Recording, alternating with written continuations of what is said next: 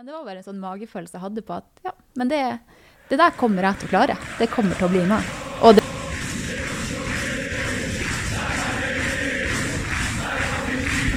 Du hører på Stang ut på overtid, en lydfanzine om Vålerenga fotball.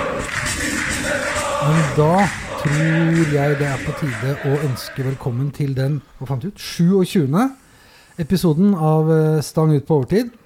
I dag så skal vi prate om noe så absurd som eh, Champions League-kvalifisering. Vi får besøk av Real Madrid på Intility Arena.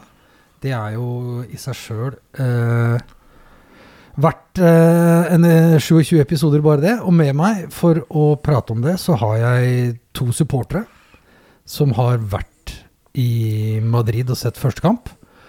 Og så har jeg med meg en eh, spiller som har eh, vært i Vålerenga i eh, Jeg kan først si velkommen, Guro Pettersen.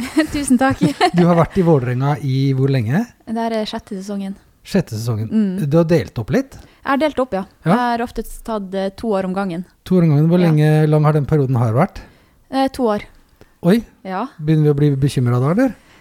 Eh, jeg er jo på utgående nå, men eh, skal se om jeg skal klare å være en plass mer enn to år. Hvordan eh, jeg- skal spørre deg om, eh, om hvordan dette her kjennes. Men først må vi ta de to andre som er her. Det er eh, Sebastian og Kevin. Hallo. Hallo. Hei. Var dere i Madrid begge to? Vi var i Madrid. Ja. Hvordan var det? Varmt. Det var veldig varmt. Nei, det var, det var moro, det. Men, ja. Men dere har vært her før, og for de som da eventuelt ikke kjenner dere, selv om sikkert mange gjør det, kan dere ikke ta en kjapp presentasjon av dere sjøl? Kevin først. Yes, jeg er Kevin. Uh, har vært med to ganger tidligere og snakka om eh, damefotball og, og TIFO. Og ja Følger Vålinga fotball, herrer, damer, hockey. Mye forskjellig. Så bruker mye tid på enga, da. Og kom i dag med en stor, fin rød malingsflekk over halve ryggen på jakka di, så jeg. Vet ikke om du har lagt merke til det sjøl? Uh, nei, den uh, har jeg ikke sett, tror jeg. Er det Jeg tror ikke jeg har noe klær nesten uten maling. jeg, Så det Og så er det Sebastian. Hallo. Du er også full av malingflekker. Dere ser ut som to barnehagebarn. Ja, vi gjør det. Ja. Altså, det, er, det er ikke langt mellom de som går på barnehagen, barneskolen, og oss som er i engativfotetider. Uh. Eh, og så I tillegg sitter jeg i klanstyret. Det gjør du. Og så har du har, har, Kjenner du Madrid ekstra godt? Jeg har jo bodd i Madrid i Hva er det jeg fant ut av? Det ble nesten ja, fire år fordelt på fem år. Bodde jeg i Madrid og studerte der. Og du, ble... også, du var også nedover nå og så Ja, bortekampen? så, ja, så jeg tok med meg Kevin og et par andre ned til Madrid og skulle være lokalguide. Det gikk jo sånn halvveis. Eh, Men vi kom oss hjem alle sammen. Hvordan mener du at det gikk halvveis? Nei, altså jeg fikk ansvar for å finne en oppmøtepub på kampdagen. Og fant en pub, og alt så ut som fryd og gammen. Vi setter oss der, eller skal til å sette oss der, og ser at der var portene stengt, fordi at den var stengt på onsdager. Så da måtte vi finne en annen pub. Eh, så vi satte oss der, og den stengte da halv fire. Og vi skulle dra halv seks, så da måtte vi finne en ny pub. Så ja, ja. Vi, alle var jo blide og fornøyde, og vi fant litt skygge, og da var alle fornøyde. Var, eh, var det mange som var nedover? Eh, Det var vel eh, Klubben hadde invitert mye, noen sponsorer og alle frivillige, så jeg tror vi var sånn 30 stykker. Og så var det også noen familiemedlemmer til noen av spillerne også.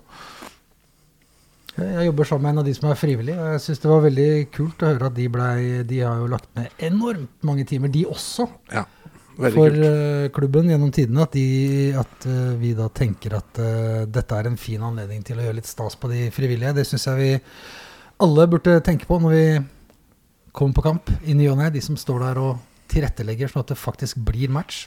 Mm.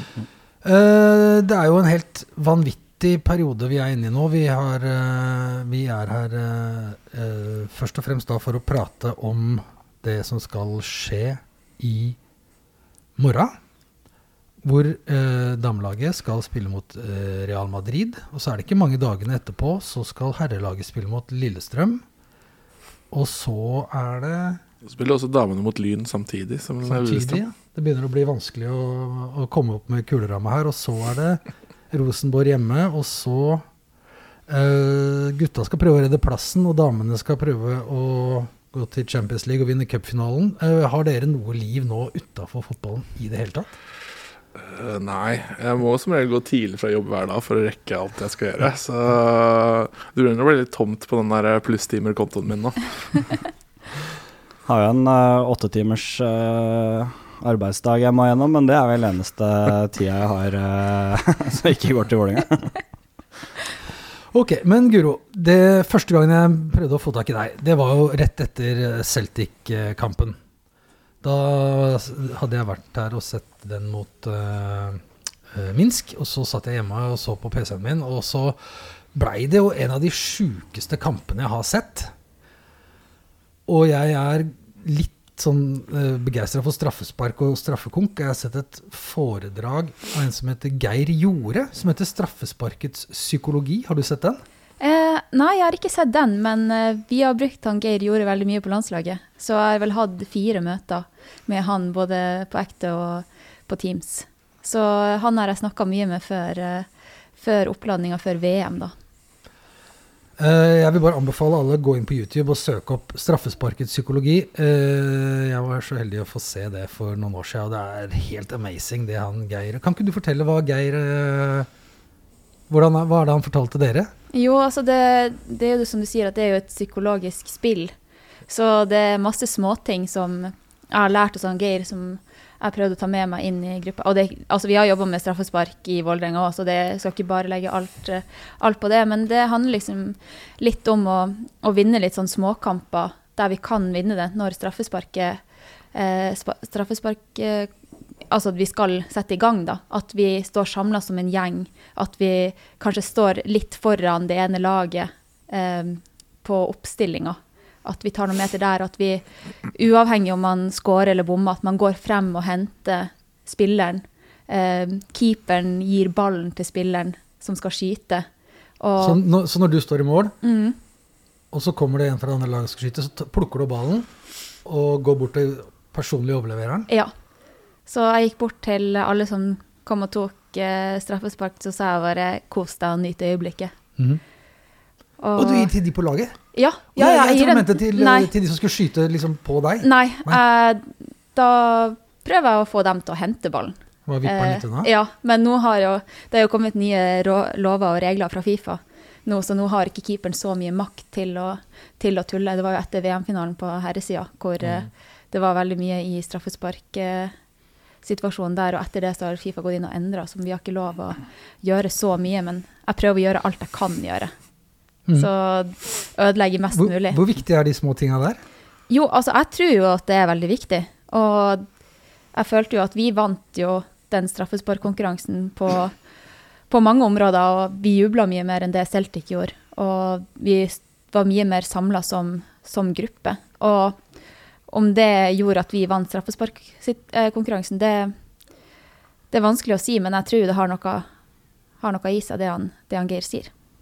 For det han da også annet sier, er at uh, hvis du scorer, så skal du juble. Og du skal juble ikke bare litt sånn med hendene i været, du skal juble som faen. Ja. Du skal løpe, arma ut, kassa fram og skrike, liksom. Ja. Ja. Jeg har jo gått på en smell der før. Ja, uh, så hvordan da? Nei, det var vel i 2015 så spilte vi straffespark hadde, Spilte vi cupkamp mot eh, Kolbotn inne i, Valhall. Og eh, jeg redder første straffen. Først så må vi si at vi hadde spurt dagen før liksom, hvem som hadde lyst til å ta straffe. Og da var jeg ganske fort opp med handa. Så sier jeg jeg, jeg vil ta straffe, men kun hvis jeg får ta siste. For jeg hadde liksom lyst til å avgjøre hele straffesparkkonkurransen og bli helten og litt sånn. Så da fikk jeg selvfølgelig lov å ta siste. Vi Straffesparkkonkurransen starter, og jeg redder første. Og det var en del folk i, i Valhall da. Og da sprang jeg liksom Jeg sprang rundt til publikum og hysja på dem og ropte 'kalma, kalma' og tok helt av på feiringa. Og så til slutt så var det jo min tur, og da Nei, da, da bomma jeg. Og så røyk vi ut av den straffesparkkonkurransen. Så det Jeg prøver å holde meg litt roligere helt til vi har vunnet finalen. Nei, vunnet straffesparkkonkurransen. Og da, da slipper jeg jubelen løs. For at det, jeg tør ikke å juble for tidlig nå lenger. Men kan du ikke fortelle, fordi altså det, de, hvis det er noen eh, som ikke så hva som skjedde, så er det da det har vært skutt hvor mange er det, 22 straffer eller noe sånt nå? 21 straffer. Mm. Og det blir vel lettere og lettere å være keeper for hver gang. Presset øker på den som skal skyte. Ja, altså Jeg hadde jo sagt ifra til Nils at siden jeg hadde så dårlig opplevelse ved forrige straffesparkkonkurranse, så hadde jeg sagt at i utgangspunktet så vil jeg ikke ta. Ja. Og det som går opp for meg når, vi- midt i den straffesparkkonkurransen, det er jo at hvis ikke jeg redder snart, så må jo jeg ta. og så tenkte jeg bare sånn Nei, faen, nå må jeg redde. Og så begynte jeg liksom å telle opp. da, så bare sånn, ok, hun har tatt, Vi er tre igjen, ja. Ja, men da, skal, da kommer jeg til å ta snart. Og til slutt så, og så redda jeg jo ikke. Så da hørte jeg bare alle ropte bare sånn 'Guro!' Tenkte jeg, ja, OK, nå er det bare Ja, Hva tenker du da når du, liksom, du må ta av deg hjelmen og hanskene og Ja, altså det er jo noe som jeg ikke trenger å gjøre, men jeg føler meg bedre hvis jeg tar av hanskene når Ja. jeg skal eh, slå straffespark, for da skal jeg i sånn målskårermodus. Og heldigvis for han Geir og alt vi har gjort eh, i forbindelse med landslaget før VM, så har jeg jo sett for meg denne situasjonen mange ganger. Eh, så jeg hadde jo jeg hadde bestemt meg på forhånd hvor jeg skulle skyte, hvordan jeg skulle skyte. Og så har jeg øvd en del på straffer, fordi at vi, vi måtte gjøre det før VM. Vi skulle ta liksom fem straffespark i uka. Så vi skulle liksom ha tatt så og så mange før VM starta. Og så har jeg bytta litt, så egentlig så har jeg sikta på krysset de fleste gangene. Men så kjente jeg nå at rett før jeg skulle ta, så kjente jeg at nei, jeg setter den, jeg setter den nede. Men eh, det er jo strak rist og full pacing, så Men akkurat der og da, når jeg går og legger ballen, så følte jeg meg egentlig veldig trygg. Da, Er du rolig? da kosa jeg meg kjempemye i akkurat det øyeblikket. Og da visste jeg akkurat uh, hva jeg skulle gjøre. Om jeg kommer til å være like rolig hvis det skjer igjen, det aner jeg ikke. Men akkurat der og da så var jeg bare sånn Å, nå skal jeg bare gå frem og score. Og så For det snakker han også om, at du Ja. skal tenke konsekvensen av det du gjør, er, har et positivt utfall. Ja. Du skal ikke tenke sånn Fy faen, hvis jeg bommer nå, Nei. da er vi ferdig, liksom. Mm. Nei. Da tenker, nå skal jeg gå, så skal jeg score, og da er vi framme, da er vi videre. Ja. Ja. Du, hører du på han? Gjør du det? Gjør du det? ja. Eh, han er også veldig sånn på etter du har lagt ballen ned, så skal du gå tilbake, og så skal du puste. Så det siste jeg gjør, er at jeg tar eh, tre pust, tre dype pust, for å roe ned pulsen og roe ned kroppen. Og så var det bare smekk. Hvordan kjennes det? Ja, det var en helt fantastisk følelse. Og så er jeg jo Jeg jubler ikke så mye. Jeg jubler litt. Jeg jubler liksom litt mot klanen og bare yes. Mhm. Og så tenkte jeg faen, nå må jeg Nå skal jeg redde. bokstavelig talt. Ja. Ja, og hva, hva tenker du da? Nå, da tar hun keeperen til Celtic, hun har sluppet inn, og så, er det, så vet du at det er hennes tur til å score. Mm. Så går dere forbi hverandre, liksom. Hva gjør du da? Ser du på henne, eller ser du rett fram, eller? Ja, det var hun Felle tok vel etter meg igjen. Jeg tok nummer ti, og så er det felles Felle som tar nummer elleve. Mm. Så ja, da ser jeg at det er hennes tur, og hun så, hun så litt nervøs ut. Ja. Og så prøvde jeg bare å lese henne hvor hun kom til å skyte, og så tok jeg rett side. Ah, Og deilig. den følelsen da, det er jo et av de beste fotballminnene jeg har, på, har i livet og i, eh, i Vålerenga. For den følelsen der når Jeg følte ikke at vi spilte en så god kamp. Men vi klarer det allikevel, og, og Elise skårer i straffe i det 120. minutt. Og at vi klarer å komme tilbake fra den og gå videre i Champions League, som jeg vet er så viktig for hele klubben og fansen vår og, og laget, nei, det, det er en av de beste følelsene jeg har hatt i, i hele mitt liv. Eh, ja, det er, det er noen som har spurt om det. Hva er den, hva er den, største, hva er den største prestasjonen din i, i klubbdrakta? Ja, jeg vil jo si Jeg vil sette den Altså, den vil jeg sette som en av de høyeste, ja. Det Absolutt. Det, det er mye artig som har skjedd i alle de årene jeg har spilt fotball, men den følelsen der, den var Ja, jeg vil sette den på topp. Eh, hvordan syns dere det var å stå og se på da? Hadde du vært her eh, Ja, det var jo helt uh, sjukt moro. Uh, vi var jo egentlig litt skuffa over at uh, vi fikk den miniturneringa på hjemmebane. For jeg var jo da redd for at det ikke skulle bli noe tur hvis vi, hvis vi ikke går videre derfra. Så risikerer vi å måtte vente enda et år på Europa. Nå har vi venta lenge nok. I hvert fall når det ble da 2-1 i ekstra Eller 1-2 Ja, ja. ekstra ganger Mm. der, da, da så det mørkt ut, altså. Ja, når de skårer når det er fire minutter igjen av kampen. Ja, Altså, begge de måla de skåra der, var liksom sånn åh, Ja. Jo lenger vi går i den der eh, straffekonken der, jeg blir jo mer og mer nervøs for hver eneste straffe som går der. Og alle går inn, og så var det utrolig deilig når Guro redder til slutt der, og vi ser det står 13-12 på tavla, og det er eh, Fyrte noe bluss og skaffa noen bøter og ja, ja. ja. Helt nydelig, altså. Ja. Apropos bøter. Det, dere blei så fornøyde med altså Er det er det, det siste liksom, likestillingshinderet i fotballen at nå har du fått 50 000 i bot uh, for damelaget også? Er det Ja, ja, vi hadde vel fått det samme. Altså, Uefa er vel litt Du strengere var ikke der klar over at det var forbudt på Vi visste jo at hæ? Uefa er eh, strengere enn NFF på, på det der, så det, det var jo en risiko vi visste om. En kalkulert risiko, på en måte. Eh, men så mener vi jo at det er på en måte et viktig på en måte, visuelt tilfang da, til supporterkulturen. Jeg vet ikke hva du tenker om det? Jo, jeg elsker jo pyro. Ja. så vi hadde jo mye pyro på den kampen. Vi hadde jo både røyk og blinkere til innmarsj. Og hadde vel et pyroshow til utmarsj andre omgang, og Ja. spontanfyring når vi scora i tillegg. Så Så 50 000 er jo billig, egentlig. Mange har bare bangers og one-shots. Men det er eh, altså Når dere ser mange kamper med både herre- og damelaget, så er det, det er litt forskjell på publikumskulturen, på hvor stor frihet du har til å gjøre ting eh, i Eliteserien Toppserien som eh, supporter, er det ikke det? Ja, altså sånn sangmessig og sånn, så er det jo litt mer sånn Kan du kanskje mer beskrive det litt mer sånn sånn gamle klanen på 90-tallet, på mange av damekampene, hvor vi er på en måte en liten gjeng, og det har mye større rom til å være kreativ, da, og det er ikke så satt at liksom Hvis det skjer i kampen, så gjør vi det, eller sånne ting. Og det er sånn Finner plutselig på en sang underveis i kampen, så når vi lagde Felicia Rodlic på Feliz Navidad eh, Så har vi vel brukt noen kamper på å finne ut at den ikke passer helt, men vi må prøve å jobbe litt inn, da. Men nå begynner den sånn halvveis funke. Ja, ja. Eh, men, men det er sånn som skjer spontant på damekampene, som ikke er like lett å få til på østblokka, da. Så det er jo veldig forskjell sånn sett. Men så vinner dere, og så trekk, er det trekning. Det tok jo Hæren flyttet med to uker å Ja. vente. Hvor mye tenker dere på det, hvem det blir da? Klarer dere å liksom ikke tenke på det? Eller for dere har nye kamper hele tida? Eller Ja, går altså, du og hva? tenker faen, faen, hva, hva blir det? Hva trekker vi? Hva trekker vi? Nei, vet du hva, at jeg tenkte egentlig ikke noe på det, og jeg glemte det faktisk den dagen treninga var òg. Så etter den treninga, når det hadde vært trekning midt under økta, så samlet, sam, ble vi samla i ring, og det kom TV-kamera. Bare faen, ja, det er jo Champions League-trekning.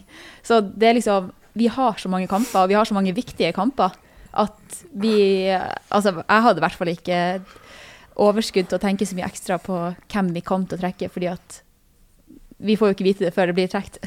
Nei, ikke sant? Det merka jo vi òg, for vi var vel raskere ute med å bestille fly enn det klubben var. Ja. Så, så det var jo derfor at halve laget på vei hjem var på ett fly, og halve laget var på et annet fly. Men vi var der, da. Men for, for dere da, eh, så er det ikke sånn at du liksom tenker ok, det blir en kul tur, men da får jeg ikke råd til å dra på gruppespill hvis de går dit. Og så må du liksom veie for og mot. Bare rett på Altså, jeg tenkte Altså um, Altså, man drømmer jo kanskje litt om gruppespill, men samtidig så er vel sånn usikker på hvor mye trua man egentlig har, da. Og det er jo en sjanse man ikke vil la gå til spille, tenker jeg. Men så, ja, så trekker dere eh, Real Madrid, og så står dere da som du sier og prater. Hva snakker dere om, hva snakker dere om da? Hva sier, liksom, hva sier lagkompisene? Ja, først så blir det sånn åh, faen, Real Madrid, for at vi vet at de er bra. Og så flytter vi Det liksom fokus. ikke de beste, det, altså det var ikke de verste dere kunne Det var ikke de verste, men vi kunne fått bedre, eller enklere vei. Men så tenker vi jo at faen, det her blir dritkul kamp.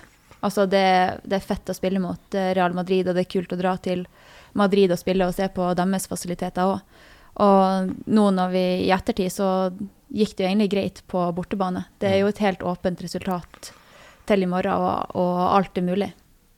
Og de skal komme hit i det er ikke mange, det er ikke mange grader klokka åtte, mellom åtte og ti i morgen kveld. Så det blir, eh, det blir gøy å spille mot dem her på Intility. På vårs hjemmebane, på vårs kunstgress, som de heller ikke vant til å spille på, i litt kjøligere klima. Så Får håpe det blir litt sludd eller noe. ja. ordentlig sånn eh, lang ull under hver. Ja. Ja. Nei, så det blir, eh, det blir spennende i morgen å se, for alt er åpent. Så alt, alt er jo mulig, og det er jo det som er så spennende og fascinerende med fotball. At det er 90 minutter pluss kanskje litt mer i morgen, og eventuelt en straffekonk. Ferdig på 90 minutter. 3-0 til Vålerenga. Nei da. Men uh, alt er mulig. Vi gjorde en kjempejobb på bortebane. Med hjelp av noen fantastiske supportere også, som sto og sang gjennom hele kampen. Ja, altså, etter hvert fall, eh, ja, i hvert fall halve kampen. Nå skulle jeg egentlig følge opp sportsspørsmålet, men dere, dere fikk jo faktisk ikke sett eh, hele kampen. Nei, jeg har ikke sett Vålerenga score i Spania før. Du har fremdeles ikke sett Vålerenga skåre i Spania? Nei. Nei. Hva skjedde? Nei ehm, Hva skal man si? Vi ehm, tok jo toget ut til stadion. Gikk av toget, møtte litt andre folk på veien også som skulle på kamp. Og bestemte oss for å gå en sånn spontan corteo bak eh, klanspannere fra togstasjonen, og så bort til inngangen. Og går og synger litt, og er god stemning. Så kommer vi til døra, og der sto det en eh, småamper spanjol eh, med batong og sa at her kommer dere ikke inn med det. Og jeg bare sånn jo, men det går jo fint på spansk. Og liksom prøvde å få det til, han bare sånn nei, det går ikke. Og så begynte han å hisse seg opp for at vi hadde med flaggstenger. Og så prøvde Kevin prøvde ikke å blande seg så mye. Han holdt seg veldig rolig bak der. Jeg kan jo ikke spansk. Vi hadde, Ja, med oss, eh, vi hadde med oss Bastian, som er ganske god i spansk, og Tale, som også kan litt spansk. Eh, Så jeg lot de ta seg av eh, pratinga og holdt meg ganske rolig i bakgrunnen. Og så Gjorde alle det, eller? slang inn litt sånn fuck off de gangene jeg følte det var nødvendig. Det er alltid konstruktivt og fint. Ja. Så kom jo Franco fra klubben etter hvert og prøvde å vise fram akkrediteringa si, men eh, der blei vi møtt med at det var noen Uefa-regler og sånn, og Franco sier sånn Ja, men vi har også prøvd å arrangere noen Uefa-kamper noen ganger, så vi vet jo hva som er lov. Vi bare sånn Ja, men vi er Real Madrid. Var liksom det vi fikk eh, slengt i ansiktet da. Og så får vi høre at vi kommer inn, sier jeg, øh, på betingelse av at vi la fra oss flaggstengene. Men vi fikk lov å ha med banner inn. Ehm, og da går jeg inn, øh, og så kommer jeg inn, og så ringer Kevin og sier at han og Tale kom ikke inn. Så da skulle jeg gå ut igjen, og da ble jeg nekta å gå ut av stadion. Og da sa jeg sånn, «Nei, men hvis ikke de kommer inn, så går ikke jeg heller inn. Og så står vi liksom sammen om det.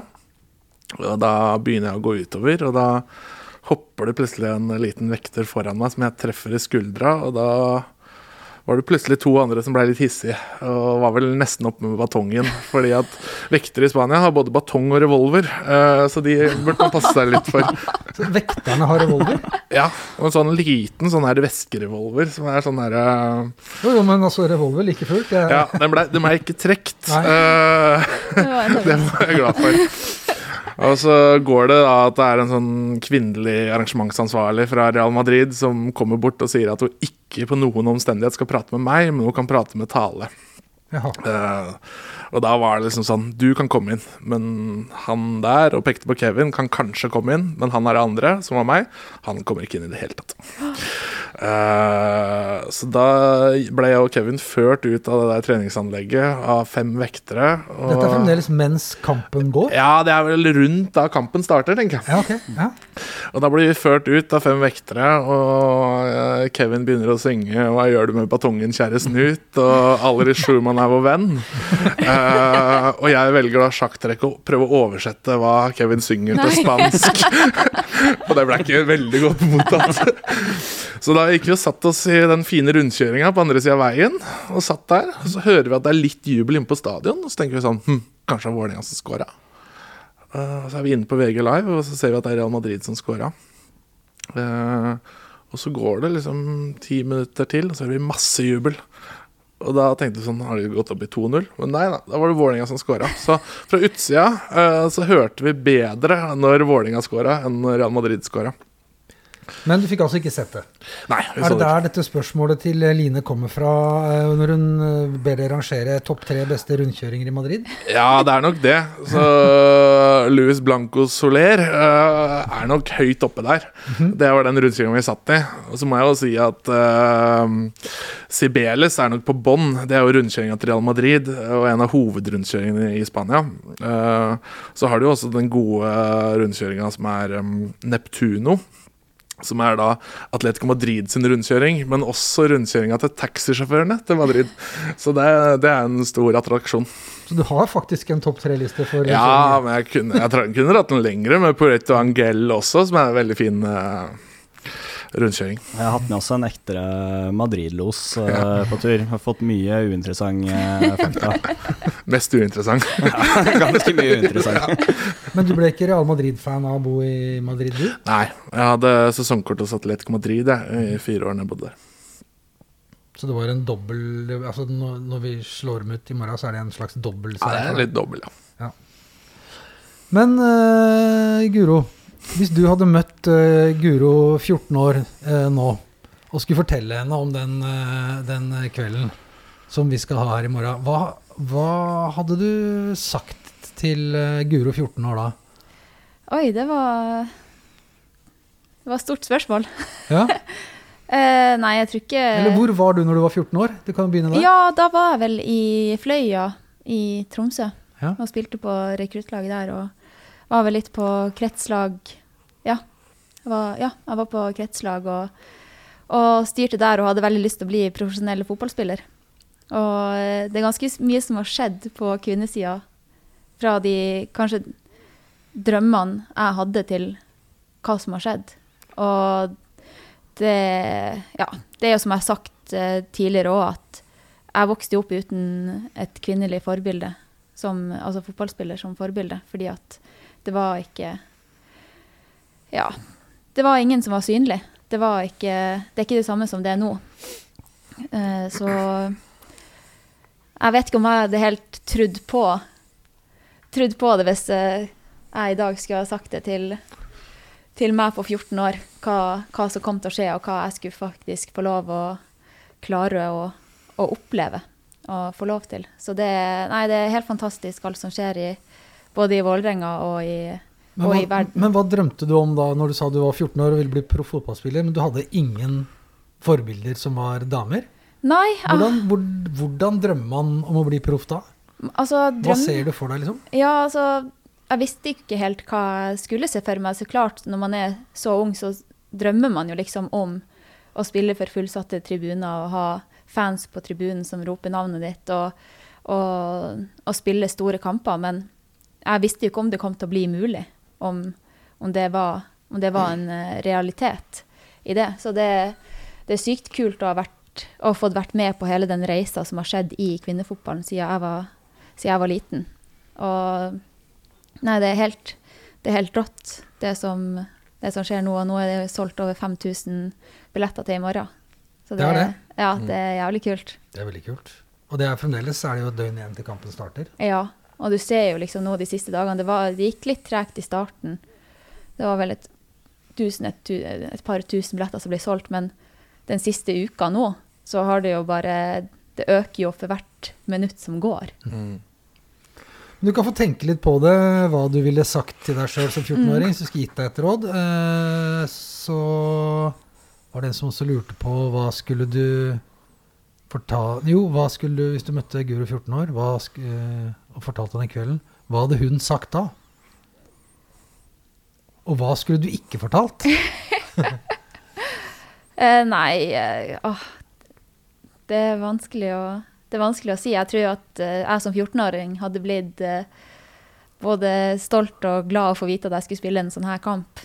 Eh, få vært med på få vært med på det og spille for så mange, mange tusen folk. Så nei, jeg tror jeg hadde sagt eh, det er bare å kose seg og nyte øyeblikket. Var du liksom Du var trygg hele tida. Du fortsatte å trene og trene og trene. Og gikk på trening og prøvde å utvikle deg. Du, var liksom, du tvilte ikke. Når du, for det er en alder hvor det begynner å bli en del annet kult å gjøre, som ikke bare er å gå på trening.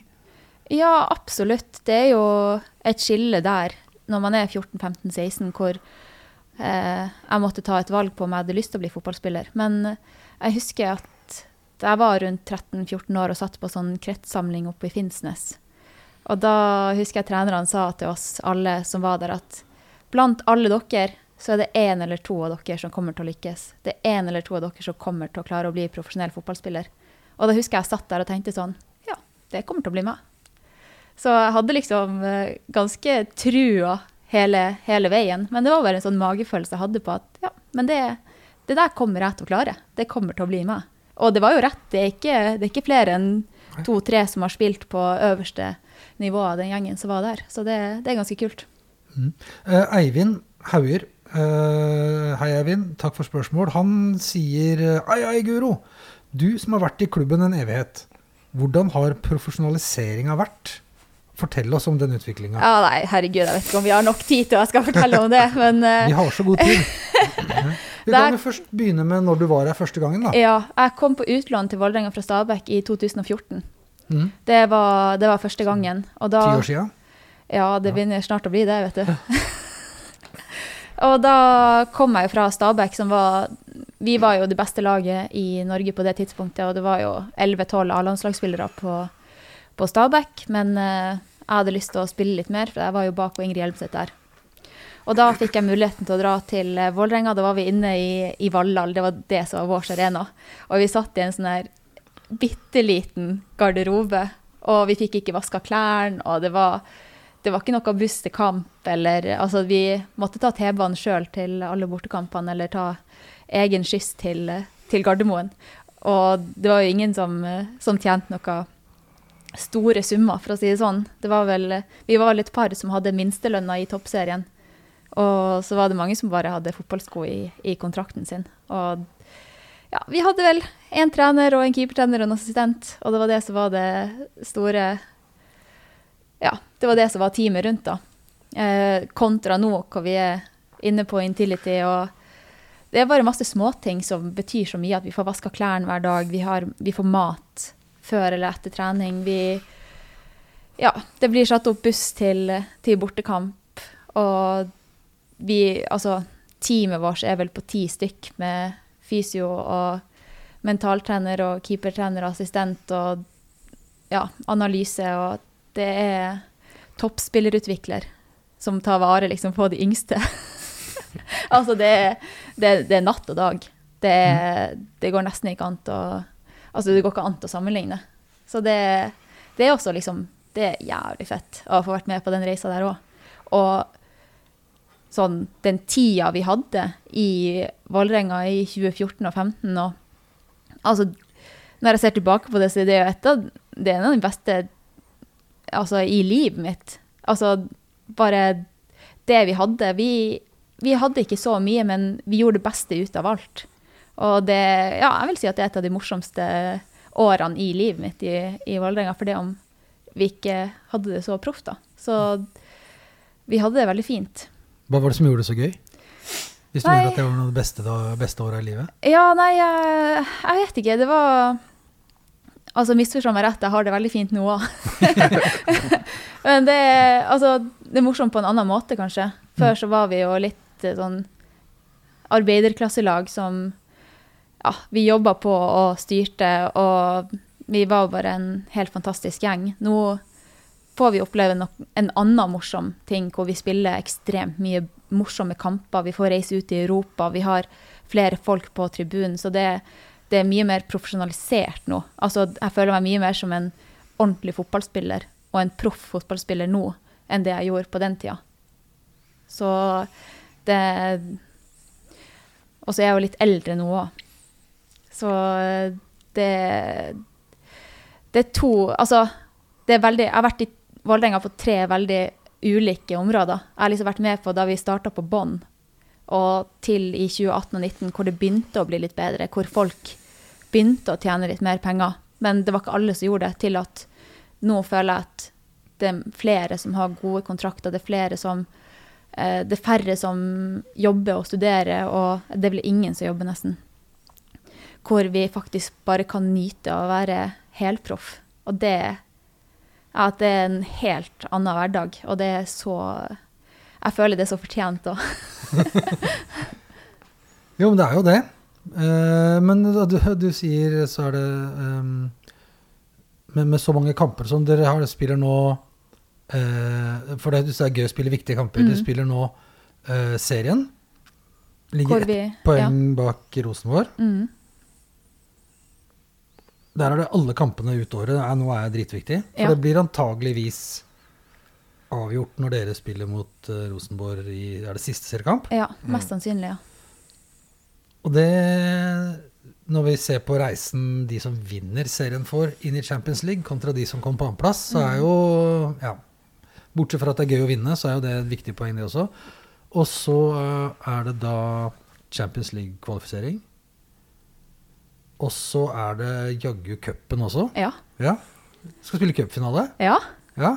Det står noen høydepunkter og venter i kø her. ja, det er mye, det er mye høydepunkter i Og så for å passe på da, at ikke det gror liksom mose på fotballskoa, så legger du inn en landslagssamling for godt monn, da. Ja. Ja. så hvordan turnerer du alt dette her? For dette er jo ekstremt uh, mye kamper. Ja, altså jeg føler ikke jeg har gjort noe annet i år enn å spille fotball. Nei?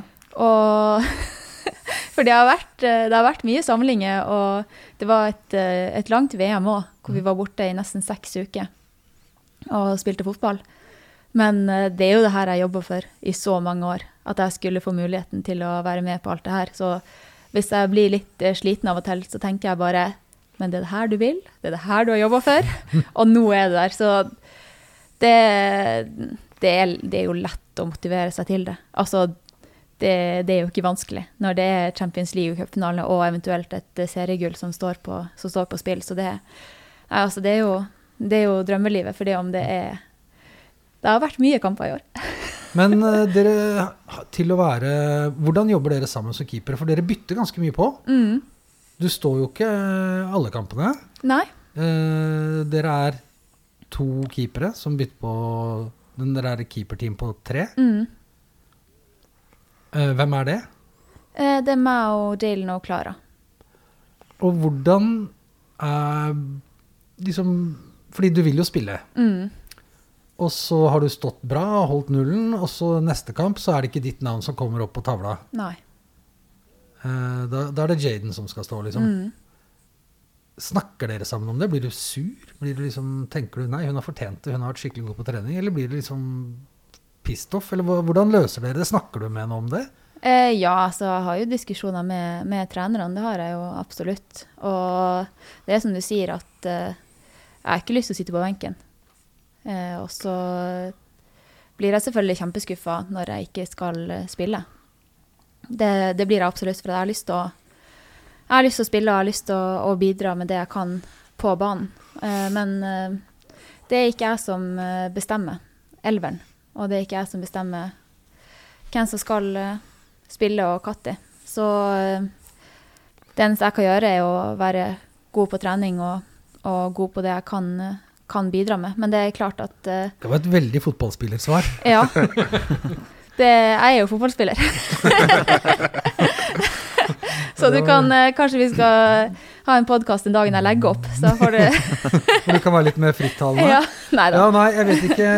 Apropos det, vi det, mm, det er noen som spurte også Det er vel VPN som har lagd en sånn Treffe tverrleggeren-konkurranse. Jeg vil ikke si Jeg vil ikke si hva du sier der, men den Nei, det vil ikke jeg heller. YouTube. Da blir jeg ja. ille berørt, men Ja.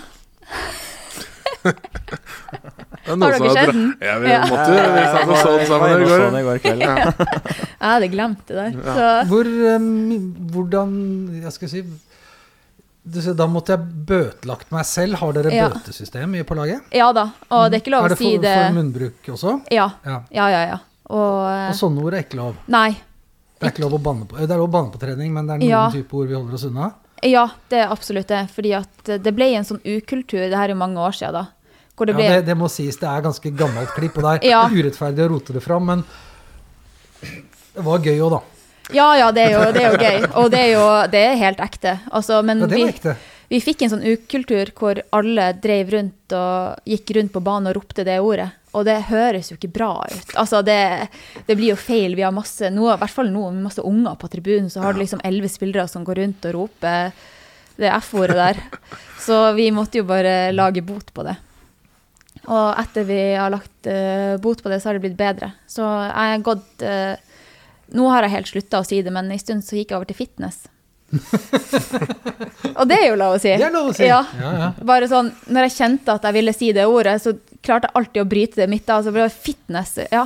Og så Men nå Litt sånn eh, sørlandsbanning. Ja. Sånn. Men, uh, Herlig av London. men nå tar, vi, tar jeg det litt mer ut på Altså på det mannlige kjønn, da. Så det, det har vi ikke bøter for. Så Det det, kan vi. Nei, Nei? så okay. det kan vi si. Så Men det er ikke Men er det så ofte. ti, fremdeles uh... Det er greit for barna, eller? Eh, ja, prøv å unngå det på Ja. kamp. Er det fremdeles Tina som er best til å treffe tverrleggeren? Ja, vet du hva. Og Tina hun skulle spilt i noen år til, altså. For en, for en fot og for en fotballspiller. Så eh, jeg tror absolutt hun hadde hevda seg på å treffe tverra på, på laget uansett. Når du sier det med at dere er forbilder og skal uh, oppføre dere deretter, så uh, jeg så en fantastisk uh, historie. Det er det bildet jeg har lagt ut som jeg så Når jeg ba om spørsmål på Twitter, med hun Pia, som, har Mm. lagd, som er tydeligvis veldig fan av, av både Vålerenga og keepere, og ikke minst deg, Mm. som har lagd, lagd stickers. To forskjellige typer stickers. Jeg lager jo også stickers og syns det er fantastisk gøy når det er unge folk som slenger seg på. Men eh, når du liksom ser, eh, ser resultatet av Pias eh, eh, sin innsats, um, hva, hva, tenk, hva, hvordan kjennes det? Jo, det kjennes kjempegodt. Og det som er litt gøy, det er jo at jeg møtte jo Pia for første gang i fjor. For da var vi en gjeng som var og trente Vi dro på ei Vålerenga-trening på Yngres. Og da hadde vi litt Jeg tror det var jeg og JJ og Klara som dro. Og da var vi oppe på, oppe på Vallefelt der oppe. Og da var hun Pia keeper. Og så syns jeg at hun var veldig god. Å, Eh, så det var veldig gøy å se. Hun har absolutt et talent eh, for, å, for å være keeper. Så det var veldig gøy. Og så kom hun en dag på trening, da hadde hun skrevet en skoleoppgave om, om meg. Oi, åssen kjennes Ja. det? Nei, det, var, det, altså, det, det er skikkelig stas. Altså, Ja. det, nei, det, er sånn, sånn ja, Jeg syns det er skikkelig stas at det er noen yngre som kan ha meg som forbilde. At hun, de fikk velge en valgfri person, å å intervjue. Og da valgte hun meg. Og ja, jeg syns det er fantastisk stas. Og da kom hun hit, og så intervjua hun meg, og så skrev hun skoleoppgaven sin, og så fikk hun en Vålerenga-drakt av meg. Eh, som hun ble kjempeglad for. Og så i jula så fikk jeg melding av han Kjetil som Han bruker å jobbe litt på kampene, og så er han sterk, hvor vi trener, til treningssenteret. Om eh, jeg hadde en ekstra drakt, en landslagsdrakt, eh, fra EM. Så da plukka jeg frem den, og så skrev jeg autografen, og så skrev jeg et, eh, et kort til Pia, og så fikk hun det i julegave. Og da fikk jeg video etterpå, så når hun skulle åpne det. Så kult. Og det Nei, det er Det er så kult å være forbilde til noen. Og så er det jo liksom Så går det derifra, og så har hun begynt å lage sånne stickers, er det det du sier? Klistremerker. Yes. Ja. Og det er Nei, det er bare helt Det er helt rått. Det er Hvem skrev dere særoppgave om i sjette klasse, gutter? Jeg Det, tror, jeg tror ikke jeg leverte den. jeg. har du fullført det i sjette klasse, Kevin? Ja da. Nei, jeg tror Det her er um, Det er jo Jeg var jo interessert i fotball jeg da, så jeg tror faktisk jeg skrev om Steven Gerrard. Det her var jo da øh, når Wikipedia hadde kommet øh, som litt. øh, hvor man kunne gå på engelsk Wikipedia og bare oversette alt til norsk, og så levere det. Så det tror jeg var det jeg gjorde. Det var din Eh, oppgave? Ja, jeg tror Det er ikke godt hadde- selskap dere, da. Det hadde ikke fungert på universitetet seinere, men på barneskolen funka det fint. Kevin, hadde du noen eh, Du husker ingen særoppgaver du valgte? Eh, nei, jeg husker jo på videregående at jeg begynte på å skrive særoppgave. uh, ja, så syns jeg det, det blei liksom ikke noe bra, så jeg bare droppa det. Jeg husker Faren min er barneskolelærer, og han husker en periode eh, Ja, når kan jeg ha vært da? Seint 80-tall, hvor da hadde han to bunker, og den ene handla om David Beckham, og den andre, andre handla om Spice Girls. Den var bare helt, og så var det to nerder som skrev om annen verdenskrig. Ja. Men det var liksom Det var det, var det som blei skrevet om. Så, men inn i et litt sånn større bilde, da. Så du sa når du var liten, så hadde du ingen å se opp til. Eh, ingen ordentlige forbilder som var liksom eh, eh, Tenker du noe liksom, Det må jo kjennes ganske bra å være, være det forbildet i dag. Tenke at eh, her kommer det folk og liksom ser på deg og ser skikkelig opp til deg som idrettsutøver. Ja, det er, og derfor eh, så setter jeg også veldig pris på det. Og prøver å sette pris på dem med at jeg vet hvor, eh, hvor viktig det er at vi er oppe i kantina etter kamp og skriver autografer og gir ut eh, fotballkort. Så er, det er noe som jeg er utrolig nøye på nå, å ta vare på dem, de fansen vi har, da. Og, og stille opp og ja, står gjerne en ekstra halvtime oppe i kantina, bare for at jeg vet hvor, hvor stort det er, og hvor mye det betyr for dem. Og hvor heldige vi, har, vi er som har så mange som kommer på kamp og har lyst på en keeperhanske eller eh, et par fotballsko. Så er det ikke alltid at jeg kan gi bort, uh, gi bort keeperhansker, men jeg hadde ei opprydning her eh, for ikke så lenge siden, så jeg tror det var etter Celtic-kampen hvor jeg ga bort eh, sånn ti par keeperhansker til eh, Er det som du bruker én gang, og så er de ferdig? Eller eh, er det sånn at du får deg et favorittpar eh, Nei, som du altså holder på lenge og koser med? Og, Nei da. Nei, jeg holder, de hansker vi har nå, de holder maks i tre kamper. Mm. Eh, og så må jeg jo selvfølgelig trene med dem etterpå. Ikke Er det fordi du har dårlig forsvar foran deg, at de blir slitt ut, eller er det Nei, jeg er veldig fornøyd med forsvaret mitt i Vålerenga. men eh, nei, de, de holder ikke så lenge. Så, men eh, jeg bruker å ta vare på de gamle hanskene, for jeg vet at det betyr mye for noen unger og få dem etterpå. Og voksne. Det er mange som vil ha. Eh, Så, eh, Sebastian og Kevin. eh, Mm. Vi var litt inne på det i stad. Dere er inne i en eh, travel tid. Jeg synes det er det hver gang jeg møter dere. Ja, det er egentlig Nei, alltid en travel tid. Det er lang sesong. Guri sa at alt hun drev med, var fotball. Jeg Ja. tenkte sånn Ja, det, ja, det er det for oss. Nei. Men hvem er ikke det, liksom? Jo, nei, men tid. dere, Nei, dere, dere lurte jo på uh, om ikke jeg ville ha en slags sånn reiseskildring, da. Mm. Fra den, den turen dere hadde til uh, Det er lenge siden noen har fått sett Vålerenga i utlandet i det hele tatt. Ja, det var vel et par som sneik seg inn i Belgia i 21 der. Ja, det var ikke mange. Nei, det var ikke mange. Det var færre enn de som var nede med dere nå. Ja, det var det. Mm. Men eh, fortell litt, da. Hvor, hvordan, eh, hvordan er en sånn eh, hvor, hvor tidlig drar dere? Drar du tidligere fordi du skal til et sted du kjenner, eller hva? Altså, det var jo både det, altså For min del så var det sånn Da var det jeg først spilte i Madrid, så etter å ha bodd der, så var det sånn Jeg kan ikke jeg velge å ikke dra ned dit, så jeg følte jeg måtte dra. Og så fant jeg fort ut at Kevin hadde lyst til å dra. Eh, og så Pleier Kevin å være lett å be? Nei. Jo da. Er- jeg er ikke den vanskeligste å overtale, han. Nei. Og så fikk vi jo da med mora til Kevin nå, og Tale, så vi var fire stykker på tur, og finner ut at vi drar mandag til torsdag, for det var enkelt å reise med Norwegian. Så slapp vi sånn mellomlandinger via Amsterdam og sånn, Guro.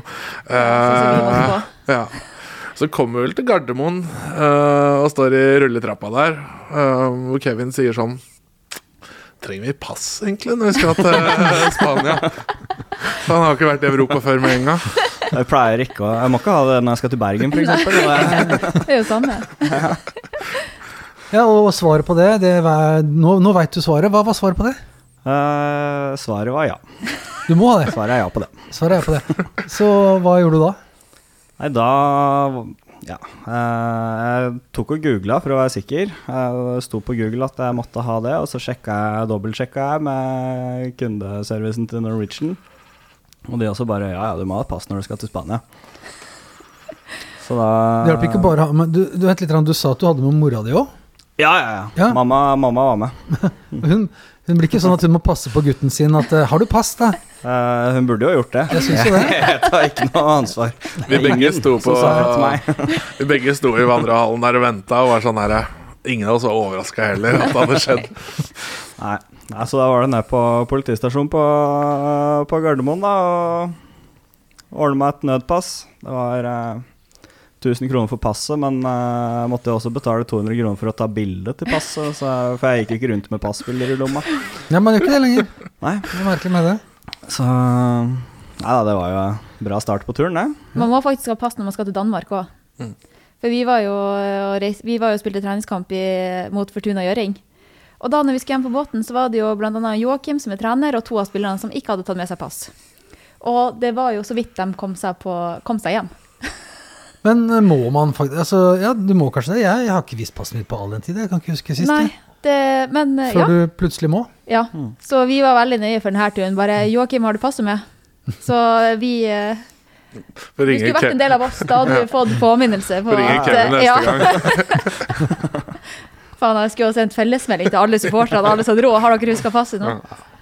Nei, jeg får være måte på å ta ansvar, jeg mener, eh, men eh, når du til og med liksom har med mamma på tur og ikke, ikke husker passet Det er litt Men- dårlig å ikke sende melding til sønnen sin dagen før man skal reise. For hun hadde med passet. Mamma hadde med pass. Ja, ja. Ja, ja. Alle andre hadde med pass. Er, er det Nei, jeg ordna nytt pass i sommer, vet du. Eh, så det her kunne jo vært første turen jeg brukte det nye passet på. da har du det til gode. Nei, for når jeg ordna nødpass, så Blir det borte? blir det ugyldig. Så Ja. nå må jeg ordne nytt pass. Og nå har dere ennå ikke kommet dere på flyet, liksom. Nei, Men uh, ja. du mista vel også parfymen uh, Ja, parfymen min var for stor, så den, uh, den fikk jeg ikke med meg. Så det ble en dyr tur. Ja, Og så la jeg igjen brillene mine i, eh, i Spania. Så Nå har jeg sånne fine Nille-briller. i- Litt som i påvente leopardmønster. ny Ja, litt Ja. sånn leopardmønster på sida og sånn. Så, så det er fint, det. Ny optikertime på, på mandag. Så fram til, eh, fram til etter eh, bortekampen mot eh, Ja, ja, Lillestrøm, det- så kan du ikke klage på linjedommeren eller noen ting? Nei da. Eh, Det er, det er ikke alt jeg, jeg klager, selv om jeg ikke ser alle, alle situasjoner Hvor, like godt. hvor ble brillene liggende? De ligger vel uh, antageligvis der vi bodde, i Spania. Ja, og Kevin delte en dobbeltseng eh, i et veldig trangt rom eh, uten vindu. Eh, så det var Eller aircondition. Ja, jeg sto opp der for litt på natta første natt for å gå på do, og går inn på rommet igjen og bare sånn Og Kevin våkner og bare sånn «Oi, Jeg tror kanskje jeg skal åpne døra. jeg». Jeg kjente jo, selv uten å ha vært utafor det rommet, at det, Det her var ikke bra. det var vond luft å puste i. Men er det noe sånn, er det noe sånn eh, interaksjon? Det hørtes veldig fjollete ut. Eh, Møter dere, følger dere etter laget, ser dere hvor de trener og sånn når dere, er på, når dere var der nede? Kunne liksom sitte og se Altså, de, Vi var jo mest opptatt av å gå på barer og puber eh, og, og spise. Så vi håpa jo da at vi egentlig ikke skulle møte laget. For det, det hadde vært verre etterkampen. Ja, Er det litt kleint når man er liksom utafor kontekst? Nei, ja. sånn, hei, hei, fotballspillere. Men altså, i hvert er fall vi. eh, kvelden før kamp. Da hadde jeg møte på pub kvelden før kamp. Da, da hadde jeg blitt litt skuffa. Men uh, etter kamp hadde det vært uh, hyggelig, da. Men uh, vi møtte jo faktisk uh, Clara når vi var i Retiro, som er en sånn kjempestor park midt i Madrid. Da plutselig stilte jeg der på sånn, men er ikke det Sitter det to stykker der i Vålinga Fullt Vålinga-utstyr. Så det var fint, det. Og, men eh, nei, vi var ikke så mye eh, Prøvde å finne ut hvor de var og trente, og hvor de bodde og sånn. Men eh, vi visste mye- hvor de bodde uansett, så Ja. ja, ja. Mye god mat og øl. ja. Og der hadde, du, der hadde du en grei løype du kunne legge opp for Ja, førstegangsreisende? Ja, ja, litt. Altså, Madrid det er, ikke så mye, det er ikke så mye å se i Madrid, egentlig. Det handler mest om å bare få et helhetsinntrykk av byen, som jeg Mhm. pleier å si. Du hadde ganske mye å vise fram, da. Ja, jeg hadde mye å vise fram. Rundkjøringer og det som var. Og jeg hadde jo, det hadde jo en ganske ålreit kirke og sånn. Det var ikke kjerka, men det var jo en, Katedral. det var en kirke. Men det var ikke Vålerenga kirke. Nei, det var ikke kjerka. Det er Østkantsjappa, som er da en annen eh, alternativ merchandiser. Eh, så jeg lurer på hva er det beste og verste med Madrid, på banen og utafor? Et lite spørsmål. Ja, er veldig lite. Hva er det beste? Hva er det beste? Nei, det er jo altså Det er vanskelig å trekke fram noe da, etter å ha bodd der så lang tid, men altså sånn Jeg vil jo si det beste er jo den der friheten du har, da. Å bare gå rundt og tusle, og så går du fra hvert eneste hjørne du går på, så kan du ta en ny tapasrett og en ny øl, og alt koster tre euro. Eh, er jo helt nydelig. Uh, så jeg var jo møtte noen gamle kamerater når jeg var der nede, og vi var ute og drakk noe craft beer på tirsdagskvelden. Og de klagde på at nå har det blitt dyrt her, altså. Koster det åtte euro for en eh, halvliter med noe sånn der eh, IPA som var liksom smugla fra Colombia, eller hva det var. Men uh, de var sånn Nei, det er altfor dyrt. smugla fra Colombia, er det sikkert det var IPA du fikk? Nei, ingen kommentar. Nei. Uh, nei, men det var sånn Da tenkte jeg sånn Den satt jeg oversatt i huet på sånn, Men det er vel det ca. halvliteren koster på Bohemen nå. Så det er liksom Det, det er noe av det billigere du får i Oslo sentrum. Så det syns jeg. Og det verste er jo Det jo det er mye mas da å bo i en så stor by. Spesielt hvis du er i sentrum med liksom metro og masse turister og gateselger og sånn. Men uh, man lærer seg jo å liksom unngå de da etter hvert. Hadde du vært der før? Nei, aldri vært i Madrid før. Så- Fikk dere tid til å se dere om, eller? Ja, vi fikk eh, det var, ikke, altså det var ikke så mye tid, men vi fikk eh, et par timer her og, her og der, så vi fikk eh, gått litt i byen og gått innom det viktigste man gjør når man er i utlandet, det er å gå innom Sephora, som er en sånn sminkebutikk. Jeg vet. Så eh, det fikk vi Ja, både jeg og Kevin var også der. Ja. Eh, Du ser det røde skimmeret Kevin har fått i ansiktet, er jo fra Sephora. Ja. Ja, ja. Så ansiktsmaskene til Sephora, ja, det er stacka opp. Jeg får sånn fin rødfarge av de. Ja, de har jeg vært med på på sommerferie òg. At jeg har vært med å kjøpe Sephora både fjesmasker og andre ting, og Mm. legge seg på ettermiddagen. Det er, kan ikke bli bedre oppkjøring til eh, Champions League-kvalik. Det da hadde vi fått inn bannere, tipper jeg, hvis vi hadde gjort det. Det var det som stoppa oss. En slags ny maskering. Ja. uh, Agnes lurer på, Guro. Hva tror du er de neste stegene norsk kvinnefotball må ta for å styrke seg enda mer? Er det økonomiske inntekter, dommerstanden, supportere eller sportslig nivå? Det var mange ting på en gang. Mm. Men hvis du tenker at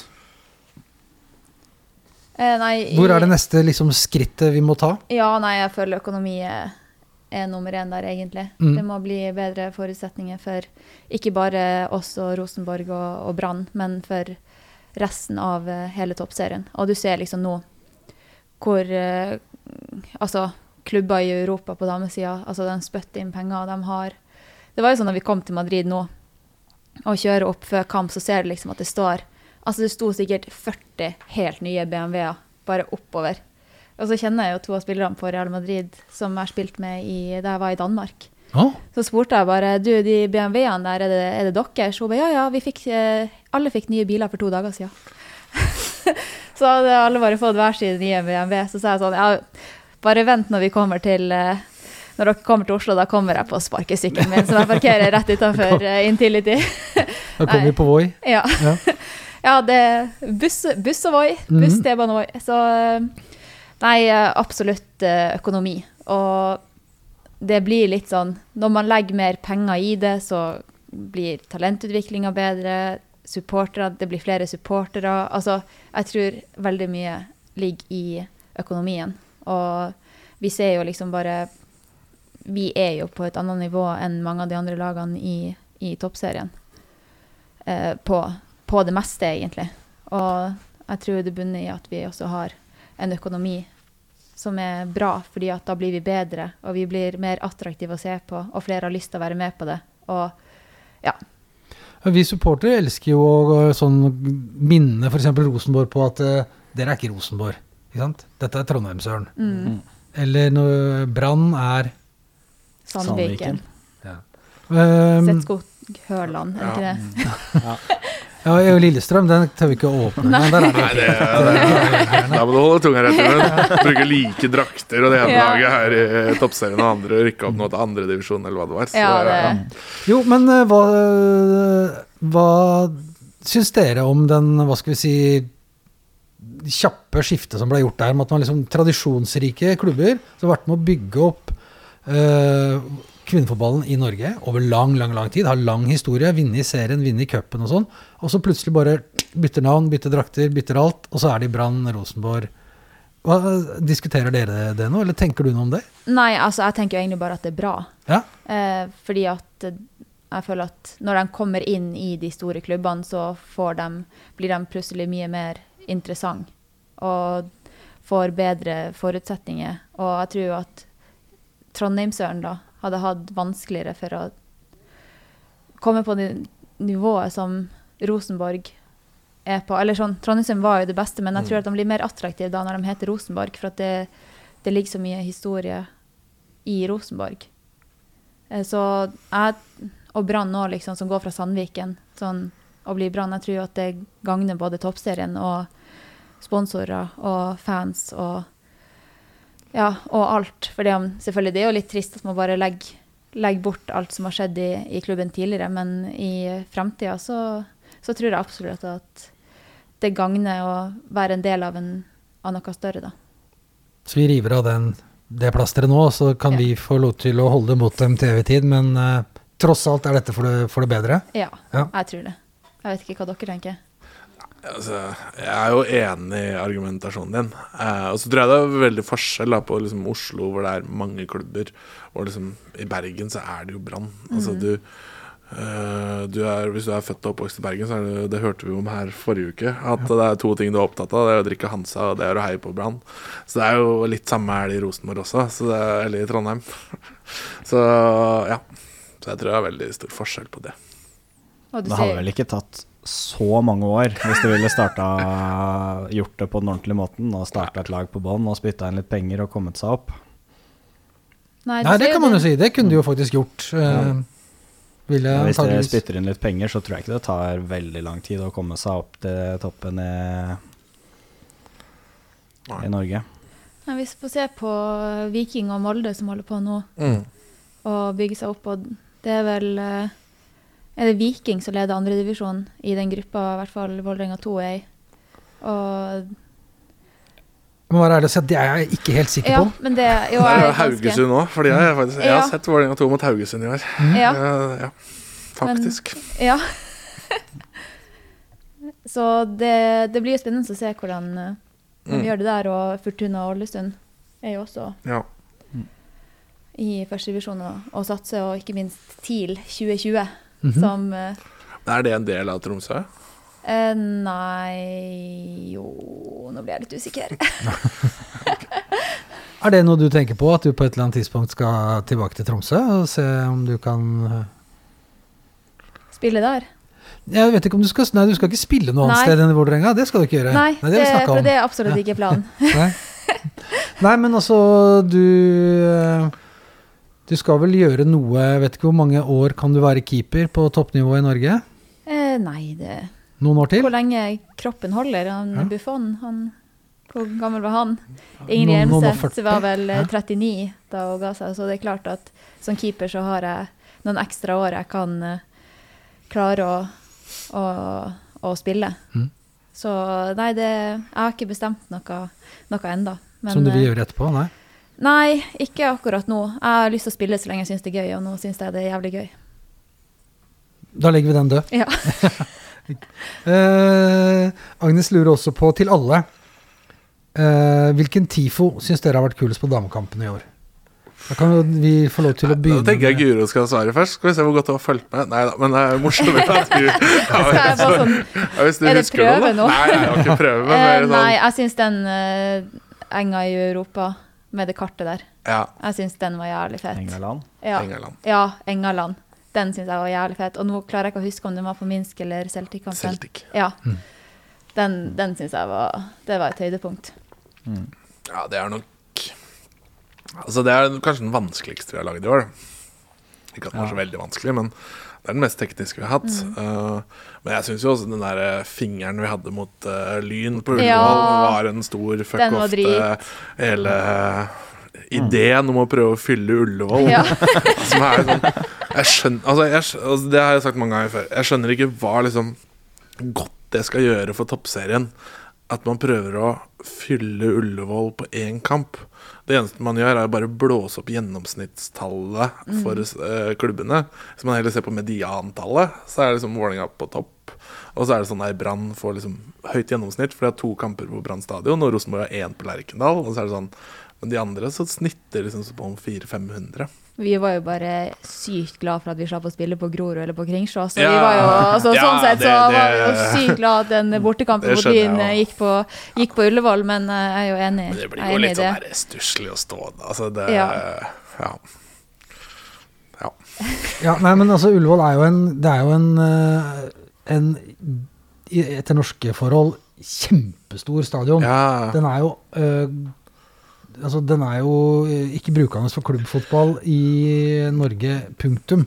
Nei, Så altså- den ideen også syns jeg er veldig, veldig ja, altså, er sånn, vi Da skal du ha en eller annen veldig god plan, i hvert fall. Ja, eller prøvd på Bislett eller et eller annet. Da. Altså, da hadde, det hadde i hvert fall gitt litt mer mening for meg. Prøve å fylle Bislett er jo mer realistisk, men uh, det hadde sett glissent ut der òg, tror jeg. det Ja, hvor mange set seter er det der? Jeg vet ikke hvor mange det er nå. Det har jo blitt bygd Kan det være, mindre, det er mindre enn Ullevål. Ja, Ja, ja, ja. Det er vel mindre enn her også. Den er jo så liten at det ser ikke helt tomt ut når Lyn spiller. Så Nei. det, er så ganske fullt ut der, og det ødela jo litt også for den der uh, Lyn-Vålerenga-kampen på. Ullevål, da, at der renner møtte de i cupen uka før. Ja. Så ja. Hva er det eh, Som sagt, så dere var, eh, var, var, var eh, kjapt på meg og ville, ville komme og prate om eh, Madrid-kampen som var. Mm. Um, den som kommer nå, hvordan hva, Vi må snakke litt om den også. ja. Det er nå utsolgt på taxitribunen. Mm. Det er solgt eh, Jeg har ikke fulgt med, jeg har vært på jobb i dag, og det er i hvert fall godt over 5000 billetter. Så vidt jeg skjønte. Eller 5000 billetter. 1002 eller noe Ja. sånt, tror jeg var det siste jeg så. Uh, ja. Nei, så det her blir jo litt annerledes. Altså, jeg ble innkalt til femte etasje. Det pleier sjelden å være et godt tegn når man blir kalt inn til femte etasje. I hvert fall ikke når klubben har fått Uefa-bot i tillegg. uh, og jeg havna i håndgemeng nede i Madrid. Så men det sto fra Franco at det er ingenting farlig. Så da gikk jeg inn der og var med eller, godt mot. Det, Men, jeg eh, låter jo altså bare ut av all mulig kontekst, men at Franco kaller deg igjen for å snakke om Real Madrid, det Ja. låter i hvert fall ikke bra. Nei, det, vi, vi hadde det litt morsomt med det at Franco elsker Vålerenga, men det var en Det, sang vi hviska. Ikke dro høyt på tribunen der, for det Ja. den flyr ikke. Nei, den flyr ikke. Han skriver heldigvis med K, det hjelper jo litt, da. Ja, men Det hører nok sikkert spanjolen også Ja, når du synger. Det er ikke noe problem. Nei da. Men øh, Nei, og det, de er jo, ble jo litt stressa da det plutselig kommer så mange. Fordi at de fleste som går på damekampen, er vant til å gå inn når man, fra øst. Når man hører starten på kjerka, så kan du liksom tusle opp. Og så har du liksom fem plasser rundt deg, og fem plasser til å legge uh, jakka på. Og så har du to plasser til sidemannen ved siden av. Um, mens nå, når det blir liksom fullt, så er det liksom viktig at alle må gå inn tidlig. Og ja, litt som man gjør på de store kampene når det er fullt Østblokka eller fullt Oslo Taxi til vanlig. Ja, det er jo dumt hvis du går glipp av noen flere Vålerenga-skåringer. Ja. Jeg tar ingen sjanse nå, så jeg har ordna en deal at jeg kan slippe inn litt tidligere. Ja. Med både banner og flaggstenger og sånn. Kan gå inn spillerinngangen og over ja, banen. ja, skal gjøre det. Men for dere som har fulgt eh, laget så lenge og vært på så, så mye sånn Som du sier, hvor det er god plass og, og mm. altså, lite folk, og dere kjenner alle og sånn. Ja. ehm, hva skal dere gjøre nå? Når blir dette, blir dette liksom eh, mainstream også? Hva skal dere alternative Ja, må vel, har ikke Vålerenga et sånt der baseball-lag da, som har begynt å vinne litt nå? De ble norgesmester i fjor, så de var også i Europa i år. breddelag i. Ja, ja, ja. Det, Men det må jo være ganske gøy? ja, Altså, ja, det er jo oppleve- morsomt å være med på utviklinga. Det har jo tatt Ja. veldig store steg eh, siden jeg begynte å følge damelaget i 2018-19 rundt der. Ja. Så det er, jo, det er jo morsomt å være med på hele den utviklinga fra tribunen. da. Så er det jo, ja Men så tenker jeg sånn at de fleste som kommer på kamp nå i morgen, som ikke er her til vanlig, jo måte Må vi prøve å måte gjøre det vi kan da for å følge og sørge for at de kommer tilbake. Så har vi jo sett mye folk eh, etter Champions League-trekninga kom, som er sånn Nå må vi åpne østblokka, det fortjener jentene og sånn. Og så er vi litt sånn nei. Og det er ikke fordi at jeg ikke mener at dere fortjener det, men det hadde sett veldig rart ut da om det sto liksom 200 stykker der. Det unner jeg egentlig ingen, for det, det ser glissent ut. Og da er det bedre med heller litt Ser pakka Ser glissent ut, og så få- kommer man ikke til å klare å skape det samme trøkket som når det er det 3000 stående syngende der. Nei.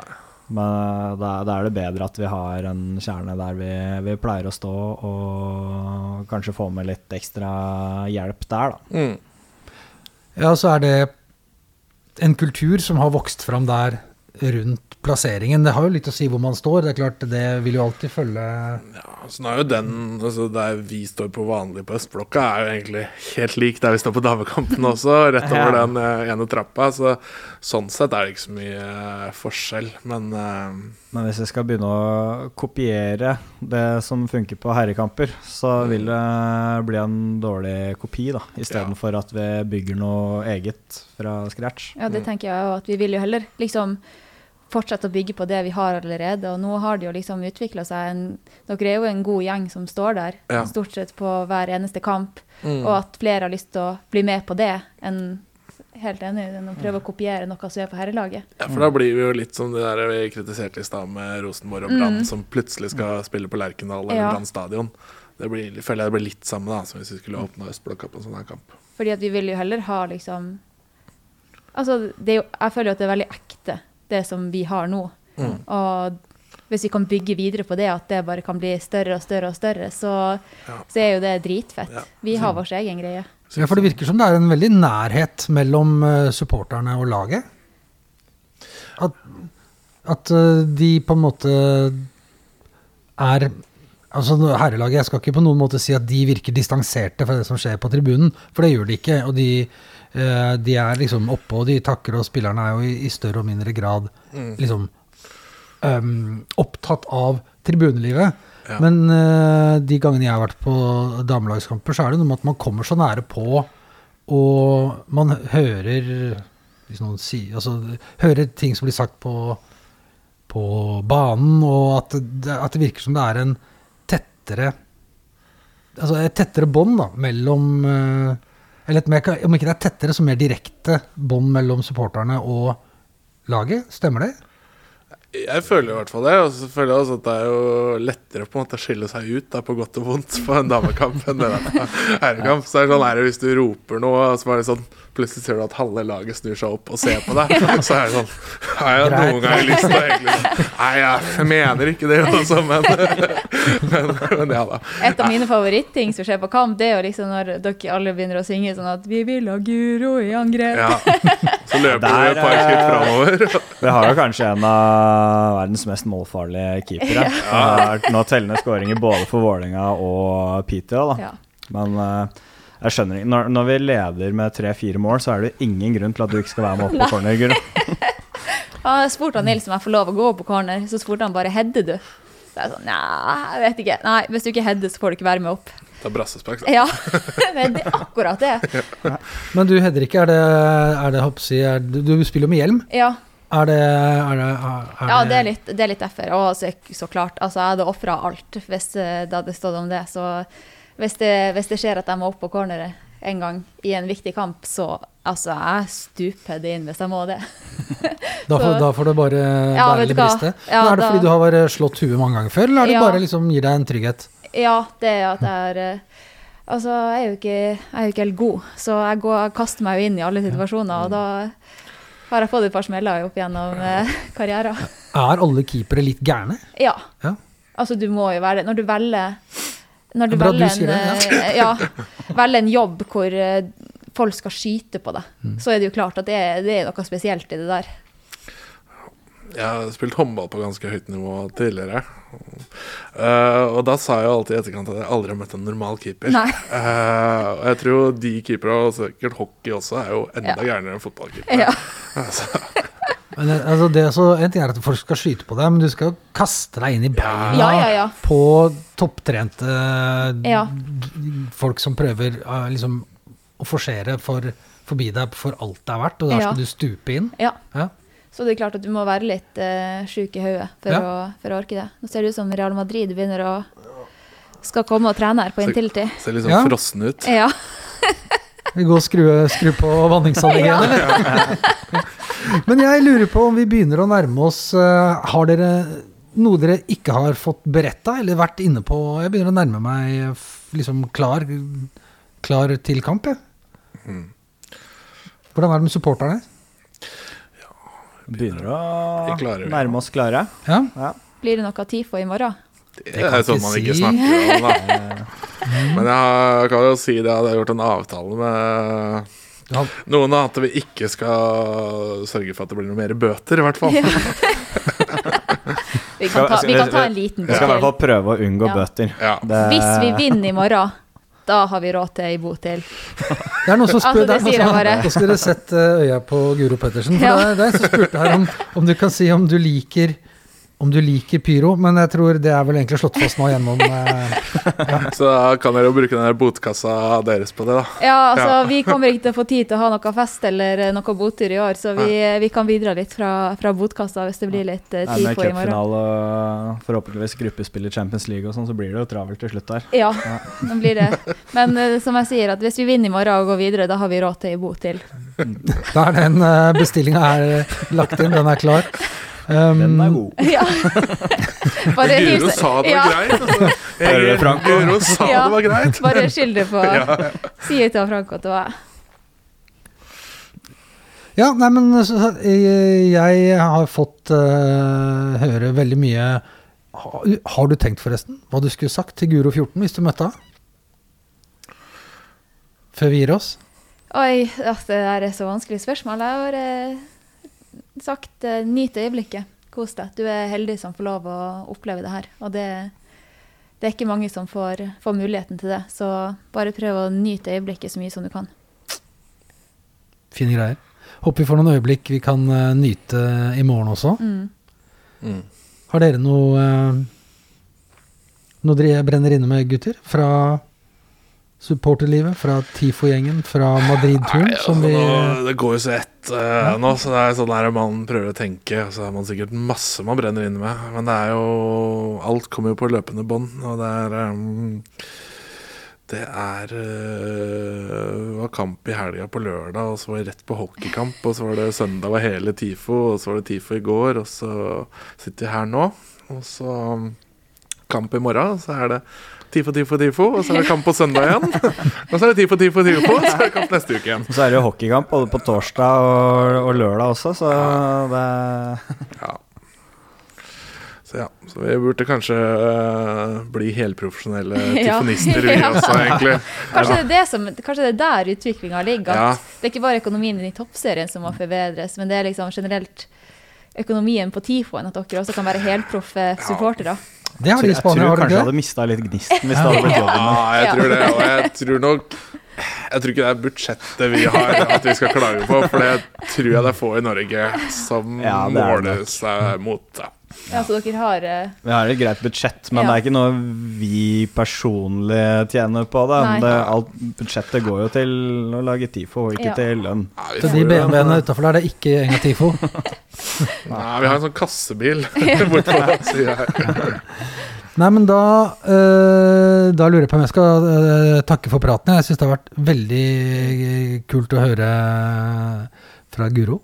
Og jeg syns det har vært veldig gøy å høre, at, høre fra turen deres. Og jeg gleder meg til altså De ukene vi er inne i nå, så er det jo, som du, dere har sagt, det er eh, det er store kamper som perler på en snor, og det er, eh, det er litt sånn mentalt slitsomt å være supporter. Vi har, eh, det er mye som står på spill. Uh, vi får bare konkludere med at uh, mirakler kan skje. Kan vi gjøre det? Snart 25-årsjubileum for det. Ja. På tide med et nytt, da. På tide med et nytt, skal vi si det sånn. Eh, da takker jeg for meg. Jeg heter Jon Hernes. Og hvis du skal, vil komme i kontakt med Stang ut-podden, så finner du meg på både Twitter og Facebook. Aldri glem miraklet kan skje. Vi ses på kamp.